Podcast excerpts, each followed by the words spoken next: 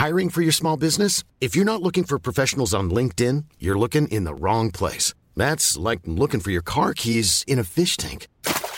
LinkedIn helps you hire professionals you can't find anywhere else, even those who aren't actively searching for a new job but might be open to the perfect role. In a given month, over 70% of LinkedIn users don't even visit other leading job sites. So start looking in the right place. With LinkedIn, you can hire professionals like a professional. Post your free job on linkedin.com slash people today. Ever catch yourself eating the same flavorless dinner three days in a row? Dreaming of something better? Well, HelloFresh is your guilt-free dream come true, baby. It's me, Kiki Palmer. Let's wake up those taste buds with hot, juicy pecan-crusted chicken or garlic butter shrimp scampi. Mm. Hello Fresh. Stop dreaming of all the delicious possibilities and dig in at HelloFresh.com. Let's get this dinner party started.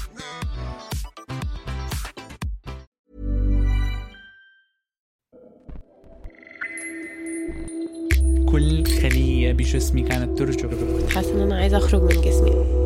تجارب وحكايات عن الجسد والذات وما بينهما. هنا شبكة كيرنينج كالتشرز تستمعون لبرنامج جسدي.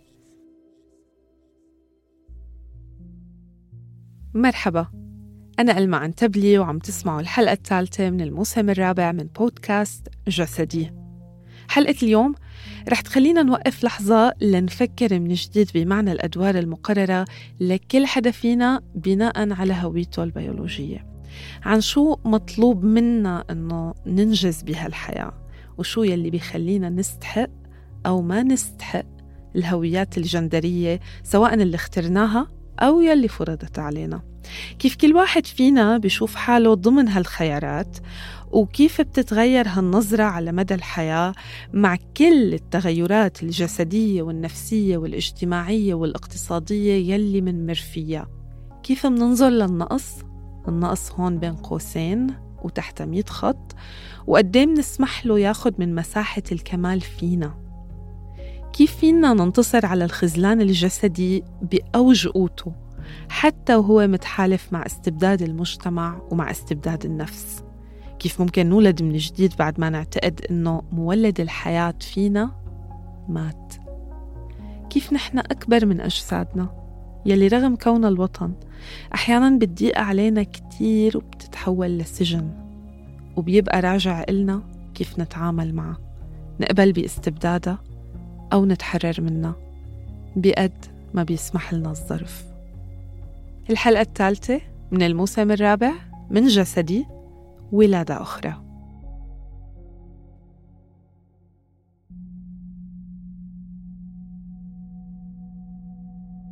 كتير صعب إني أقدر أنسى شعوري بهيديك اللحظة.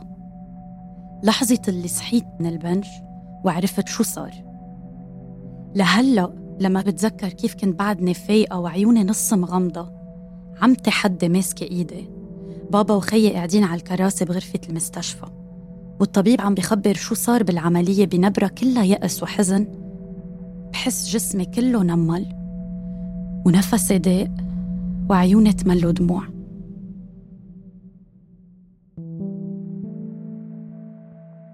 الخسارة بلشت معي من عمر أنا بعتبره صغير. خسرت أمي أقرب حدا لإلي لما كان عمري 28 سنة بس. خسرتها بين يوم وليلة مثل ما بيقولوا. انصابت بسرطان الدم وهي بسنتها الخمسين. دهورت حالتها بسرعة وبظرف أربع أيام بس فارقت الحياة. أصعب أوقات حياتي عشتها بعد وفاة أمي. وأكتر فكرة كانت ترعبني هي إنه كيف بدي كمل حياتي وماما منا معي.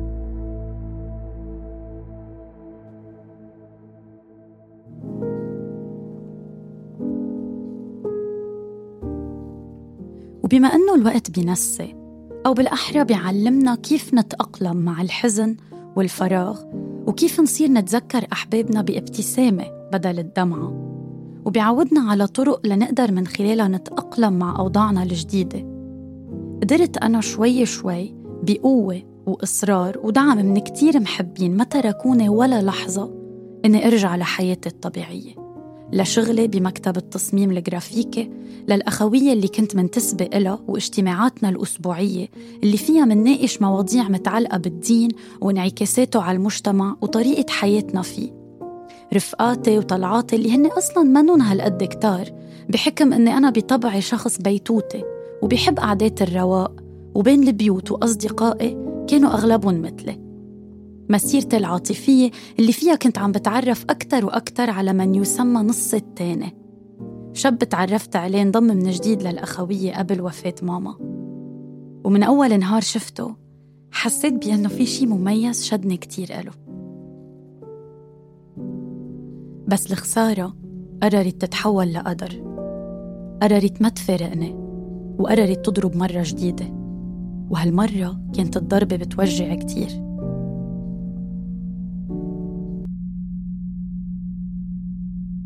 بأول الثلاثينات وتحديداً على 32 يعني تقريباً بعد شي أربع سنين من أول خسارة. بلشت حس بأشياء غريبة عم بتصير بجسمي.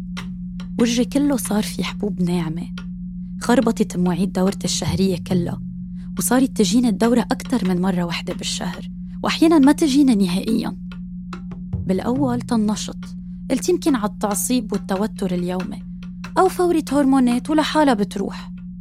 بس كرمال الأعراض كانت عم بتزيد وتقوى. وأنا صرت خاف واتوتر. صار يطلع لي زوايد لحمية تحت رقبتي. شعري كان عم بيهر بشكل مش طبيعي. بلشت معي أوجاع بمنطقة الحوض وهيدا كله طبعا عدا عن نوبات الغضب وتقلبات المزاج يلي ما كانت تفارقني. لحد ما إجا يوم وأخذت موعد عند طبيب النسائية يلي كانت ماما تروح لعنده. يمكن شعور الأمان بأنه ماما كانت تأمن لهيدا الشخص دونا عن غيره هو السبب يلي ما خلاني أفكر إني أستشير طبيب تاني. ورحت. بعد ما خلصنا الفحص السريري طلب مني الطبيب صورة أشعة وتحاليل ليقدر يعطيني التشخيص الدقيق ونبلش العلاج على أساسه. هيدا إجراء طبيعي. قلت لحالي كوني هي أول مرة بزور فيها طبيب نسائية بحياتي. باللحظة يلي حط صورة الأشعة على الضوء ليقدر يشوفها صارت تعابير وجهه ما بتتفسر. سألته بخوف وقلق بس ما رد علي. وبعد شي عشر دقايق من التمعن بصورة المبايض أطول عشر دقايق بحياتي. قعد على الكرسي وبهدوء مصحوب بحزم ونبرة صوت جدية. قال لي إني لازم أعمل عملية استئصال تكيسات مبيض بأسرع ما يمكن. أو رح تتابع هاي التكيسات انتشارها بشكل كتير سريع وتسبب بهالشي تبعات خطيرة جدا على صحتي. دقات قلبي صاروا مليون. عم بعرق كتير. إيدي عم يرجفوا ما كنت قادرة حتى إني أفكر إذا الموضوع كبير هالقد وبيستدعي هالصدمة هاي أو لا. بس يمكن نبرة صوت الدكتور. وطريقة نقله للخبر هي اللي عملت فينا كل هالشي. حسيت مثل كأنه حدا خبروه إنه معه مرض عضال ومستحيل يقدر يطلع منه. ما كان عندي كتير وقت إني أفكر بالموضوع فحاولت أتمالك نفسي وأعمل خطوة لو شو ما كانت تكون. استأذنت الدكتور وطلعت من مكتبه. دقيت لعمتي أول شخص خطر عبالي وخبرتها. سكرت الخط وحجزت أول موعد متوفر. تاني يوم الصبح. بالمناسبة رد فعل عمتي كان ألطف وأروق بكتير من ما توقعت. بسطت الأمر وهونته علي كتير وصارت تشرح لي كيف إنه هالنوع من العمليات صار منتشر بغزارة وإنه نسبة النجاح عالية جدا. تاني يوم الصبح ومن بكير كتير توجهنا على المستشفى. أنا بابا خيي وعمتي. ما بعرف ليه ما كنت خايفة. على عكس امبارح تماما. كان شعوري بارد كتير نسبة لحدا فات على غرفة عمليات. استسهلت العملية يلي قريت إنه كتير صبايا بعمري وأصغر حتى بيعملوها بما إنه تكيسات المبيض صارت من الأمراض الشائعة بعصرنا. ودعوني أهلي. بعدها أخذوني الممرضات على غرفة العمليات. ضربوني إبرة التخدير وأنا وعم بخفى لمحت صورة ماما قدامي. غمضت عيوني. ونمت بسلام. وتمنيت لو إني فتحتهم بسلام. كنت عم بسمع دردشات حوالي لما بلشت فتح عيوني ولما حسوا علي إني وعيت ركضوا كلهم لحدي حتى رفيقتي أيلا يلي إجت أنا وبالعملية. ورغم إني كنت بعدني مغمضة وراسي تقيل كتير وموجوعة بس قدرت شوف دموع بعيون عمتي مع إنها كانت عم بتحاول تخبيهم. كنت عم شوف كسرة الخاطر بعيون بابا حاولت أسألهم شو في؟ إنه ليه ما حدا عم يبتسم؟ ليه هالوجوه الحزينة؟ بس ما كنت قادرة أقول ولا كلمة لحظات وبفوت الدكتور على الغرفة وبيطلب من أيلا تطلع لبرا بابا وخيي قعدوا عمتي قعدت تحدي على التخت ومسكت لي إيدي يا كارول بس فتحنا لنكشف على التكيسات الموجودة على المبايض. تبين لنا إنه في ورم كبير ومنتشر على الرحم وواضح إنه هو السبب بظهور هاي التكيسات. الورم آخذ نص الرحم من حجمه وضخامته. فبعد استشارة طبيب الأورام وأخذ موافقة أهلك كنا مضطرين إنه نستأصل الرحم كله لاستحالة فصل الورم عنه. هلأ هو الطبيب حكي كتير أشياء بعد هالمقدمة بس أنا بطلت عم بسمع. عم شوف الحركة عم حس فيها بس مش عم بسمع شي. عم شوف دموع عمتي نظرات خيي لإلي وطرقة راس بابا بالأرض. بس أنا كنت غايبة كليا حاضرة بالجسد بس غايبة بالروح.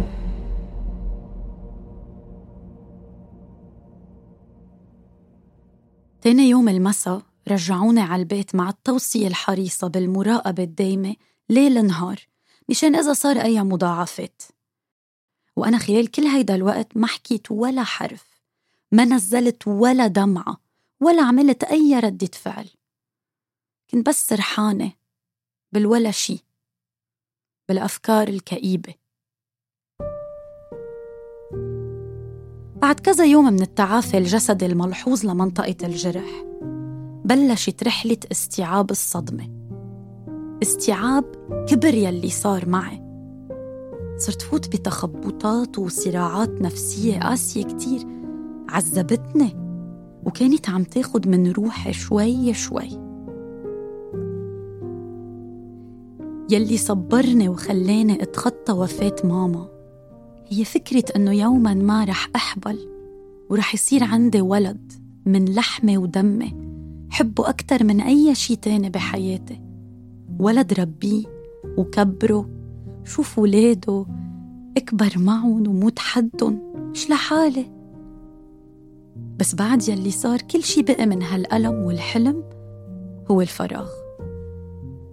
بإيد جسد مرة بلا رحم بدون أي قدرة على الإنجاب. ووين؟ بمجتمع ما بيرحم.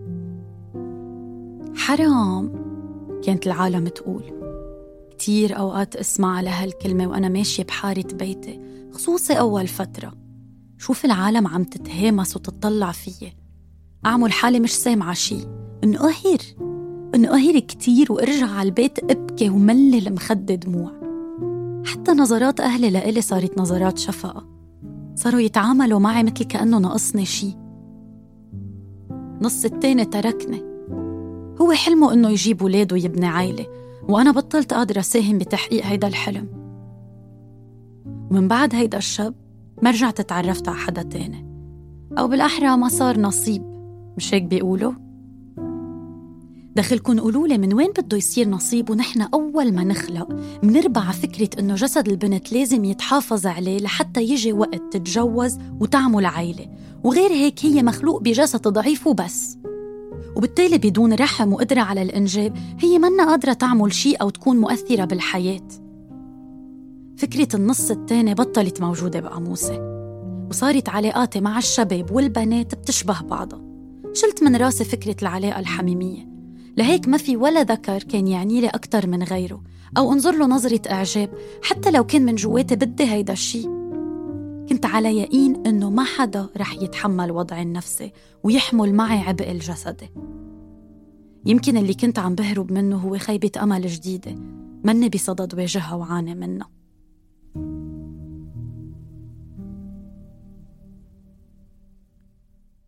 أما خيي فأجته سفرة هو وعائلته على كندا من بعد عمليتي بعشرين يوم. بكيت كتير يوم اللي ودعتن. بكيت عن عمري كله. بهالنهار حسيت الدنيا عم تظلمني أكتر من أي وقت تاني. إنه تاخد مني ولاد خيي؟ الوحيدين يلي بيردولي الروح بكل هالعتم والسواد اللي أنا فيه. كان بعده جرحي الجسدي ما التأم وجرحي الروحي عم يكبر ويوسع. اقتصرت أحاديثنا على محادثات واتساب يومية أول فترة. ضلت تقل وتيرتها وتنقص.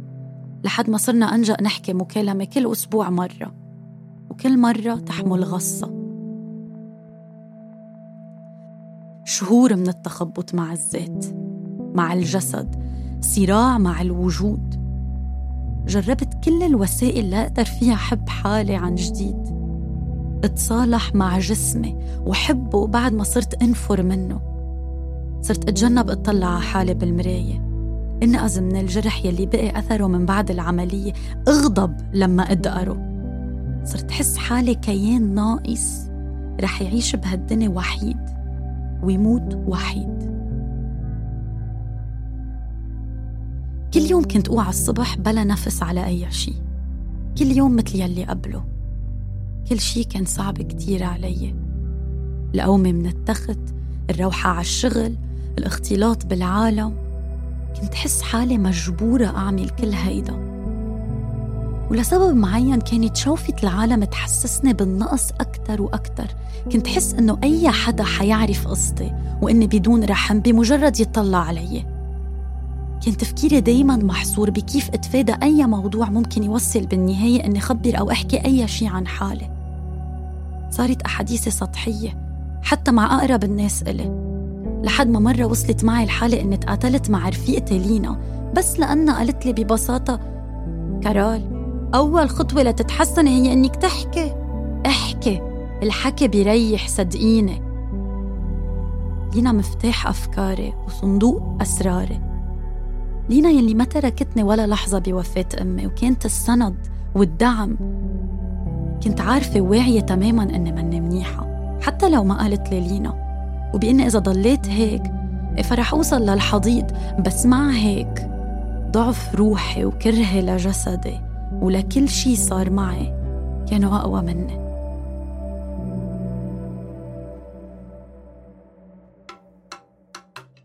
بلش وزني يزيد يوم بعد يوم على قلة الحركة والنشاط. صار عندي ترهل واضح عن منطقة البطن محل جرح العملية. شي يلي أدى بطبيعة الحال لأني غير طريقة لبسي لأنه ما عاد تلائم شكل جسمي الجديد أنا كتير بحب ألبس ضيق وما بتعني لي الأشياء الواسعة. بس كل ما كنت ألبس شي من يلي بحب ألبسهم بالعادة وأطلع على حالي بالمراية بحس حالي مثل يلي لابس شي مش إله شوف شي بشع ومنظر مش مقبول بنظري. وما أعرف كيف بدي أشلح وغير بسرعة البرق. ما ممكن تتخيلوا قد إيه زيادة الوزن سببت لي أزمة نفسية فوق ما أنا كنت أصلا مأزمة. هالموضوع كان يسبب لي إحراج مع نفسي قبل أي حدا تاني.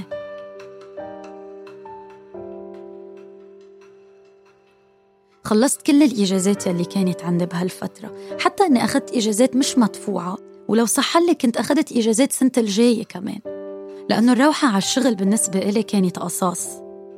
وبما أنه تيار من حالات الشفقة. كان يضل ملاحقني كل الوقت من كل الناس. إيه فما كان صعب أبدا علي إني أقدم على إجازة وآخد موافقة عليها بنفس الثانية. وأصلا إنتاجيتي نزلت لتحت الصفر. صرت عم بكتشف يوم عن يوم إنه وجودي بالمكتب وعدمه نفس الشي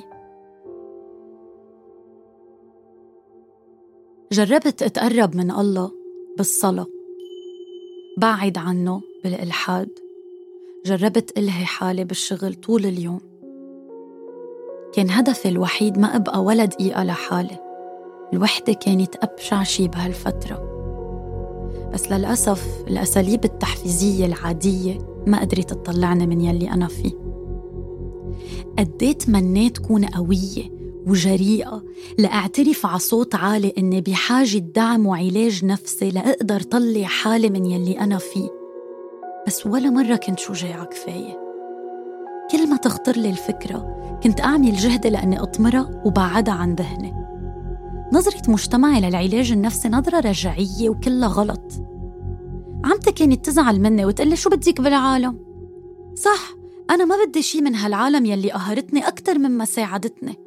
بس أنا كنت تعبانة لدرجة إني مش قادرة أحمل حالي بعد وصمة جديدة تنضاف على حياتي ويحكوا اللي حوالي فيها. ضعفت قدام أنانية المجتمع وعدم تقبله ووعيه للصحة النفسية. ويمكن كمان خوفي من رحلة العلاج مع أخصائي نفسي وشو ممكن تفتح لي جروح هو يلي بعدني أكتر وأكتر عن هالفكرة. وبمرة من المرات أنعني أحد الأصدقاء أني أحضر صف يوغا رح يصير بالطبيعة بالحديقة العامة. وبما أنه ما كتير كان عندي رفاهية الاختيار وبدي أي شيء بس يكون حوالي في ناس وافقت. وفي أقول حقيقة إنه هالنهار كان بداية رحلة التعافي النفسي والتصالح مع حالي ومع جسمي. بما أنه رحلة العلاج الجسدي انتهت عن مرحلة الاستئصال يلي ما كان لها أي مضاعفات أو تبعات صحية على حياتي. مع أني ما بعرف شي عن اليوغا والصف أصلا كان للمبتدئات بس حسيت حالي ألين جسد وأرشق قوام. حسيت أنه مع كل حركة وكل نفس كنت عم طلع شي من جرحي لبرا. عم ادفش حزني وخليه بعد عني. ومن هيداك اليوم أدمنت اليوغا. صارت اليوغا هي الوقت اللي بكون عم ببني فيه علاقة مع جسدي. عم اسمع له واهتم فيه عم بتحد فيه عن جديد واكتشف كل الميزات يلي فيه.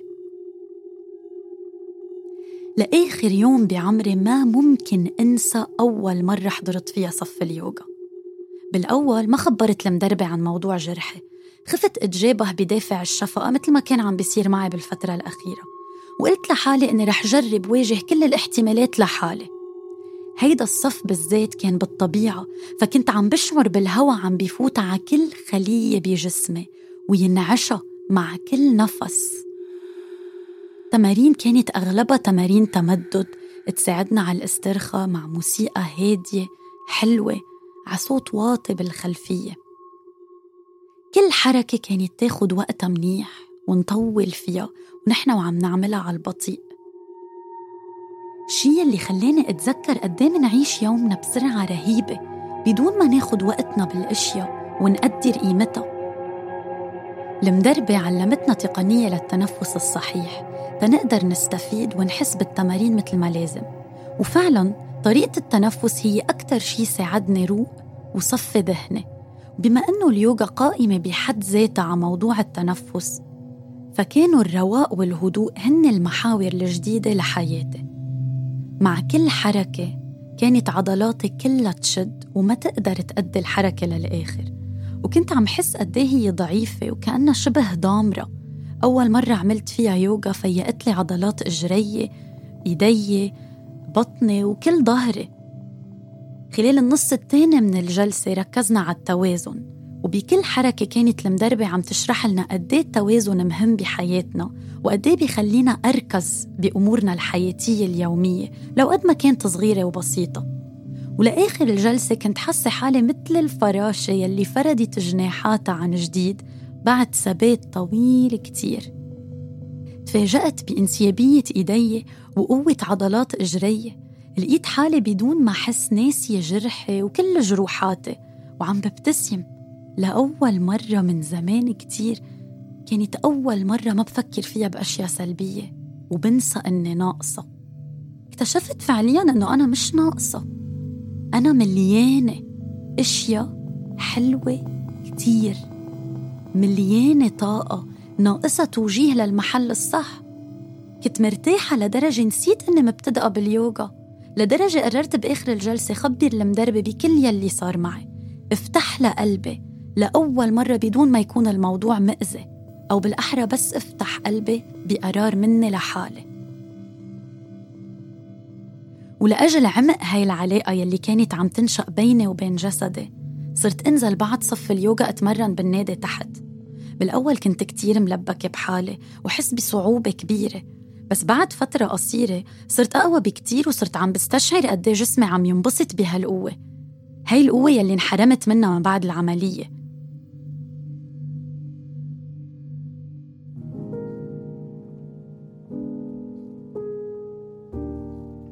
أي شي يعلن عنه النادي كنت شارك فيه.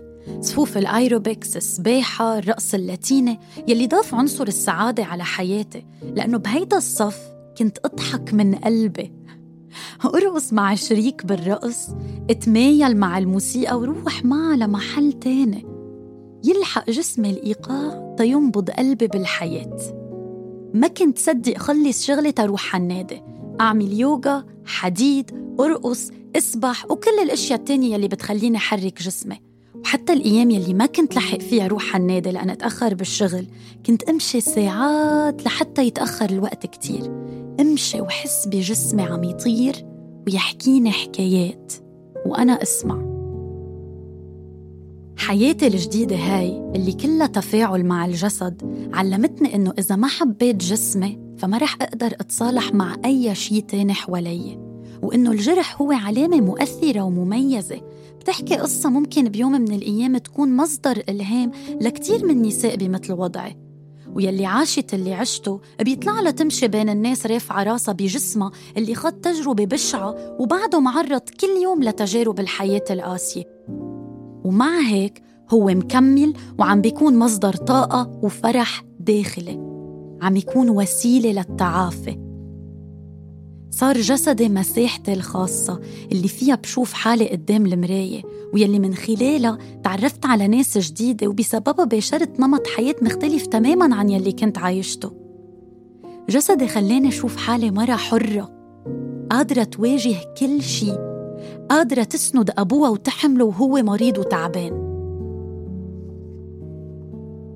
صح المجتمع ونظرته لرحم المرأة ما ساعدتني ويمكن ما رح تساعدك إلك كمان. بس اللي رح يساعدك هو أنت. وصح إنه الولاد حلوين وبيحلوا الحياة بس هيدا أبدا ما بيعني إنك ناقصة بلا إنجاب أو إنه جسدك ناقص. هيدا بيعني إنك خلقتي لتكملي هالأرض بأشياء تانية وتبني علاقة خاصة ومختلفة مع جسدك ويكون عندك الوقت الكافي لتكتشفي مواطن قوته. ومن بعد سنين مرقوا أوقات بصفن وبفكر مع حالي. فكر كيف كانت ممكن تكون حياتي لو إني ضليت بالحزن والكآبة؟ أو لو إني تحديت المجتمع وتبنيت ولد ربيه لحالي؟ أو لو سافرت بعد العملية لشي بلد تاني وبلشت حياتي فيه من الصفر؟ يمكن ما كنت عايشة بنفس الطريقة ما بعرف. برجع بلاقي حالي أقوى رغم كل الذكريات البشعة وبتشكر جسدي لأنه تحملني وحملني. ولو برجع بالزمن لورا ولا ممكن كان يخطر لي إنه جسدي يلي كان سبب تعاستي وحزني يكون هو المنقذ ومصدر قوتي.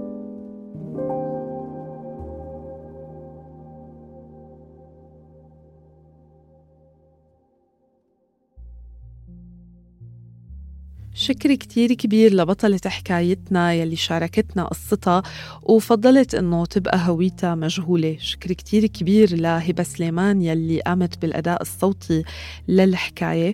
وشكر كتير كبير منا نحن فريق الإعداد من نيما صالحة ومن شهد بني عودة ومن رند خضير ومني أنا ألمع عنتبلي وشاركتنا إعداد هالحلقة رشا مبيض من الصوت بول ألوف ومن التسويق سمية بو عبد الله. تصميم الجرافيكي للموسم الرابع من جسدي لأحمد سلهب وصور الحلقات لدينا سالم.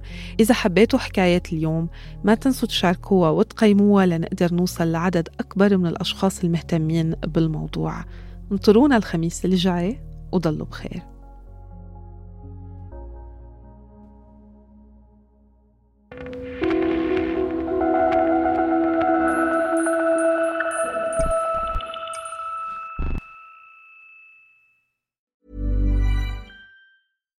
Catch yourself eating the same flavorless dinner three days in a row? Dreaming of something better? Well, HelloFresh is your guilt-free dream come true, baby. It's me, Kiki Palmer. Let's wake up those taste buds with hot, juicy pecan-crusted chicken or garlic butter shrimp scampi. Mm. Hello Fresh.